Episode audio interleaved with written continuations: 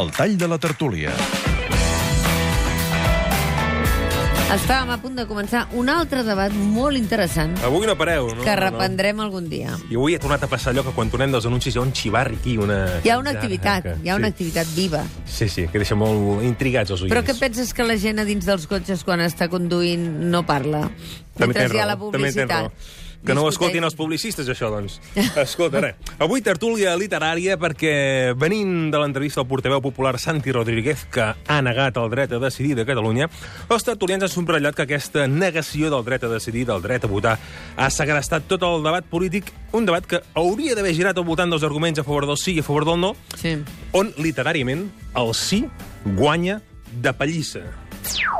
Almenys 200 llibres hi són, pàgines Oh, i web de El conferències. clauer. Se n'han fet i de debats és que, vaja, diguem, estem esgotats de, de, tant, de tant debat.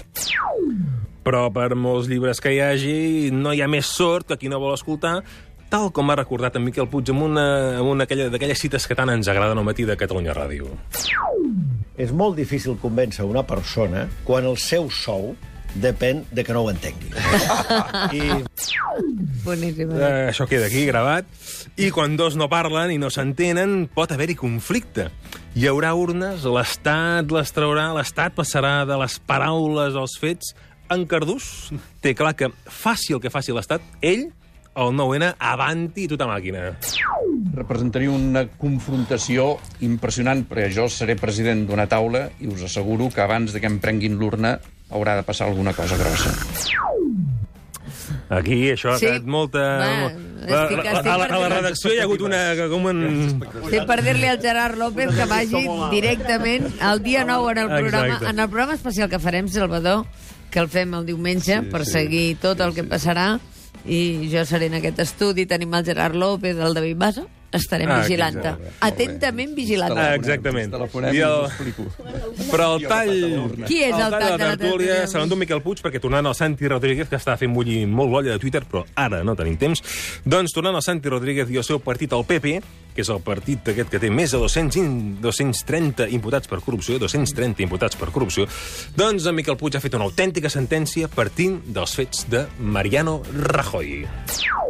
Al mes d'agost del, de l'any passat, el PP va entregar al jutge Ruz, el jutge del cas Bárcenas, els ordinadors personals del senyor Bárcenas.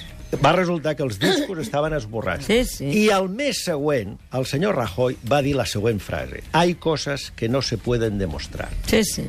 Escolti, Ximpo. a mi que em perdonin, eh? Que em perdonin. Aquest discurs de que els partits som els primers interessats a fer net, tot aquest discurs és una, cosa- és una vergonya. És una vergonya. I Una vergonya. Antoni Galvez anava dient xim-pum. Molt bé.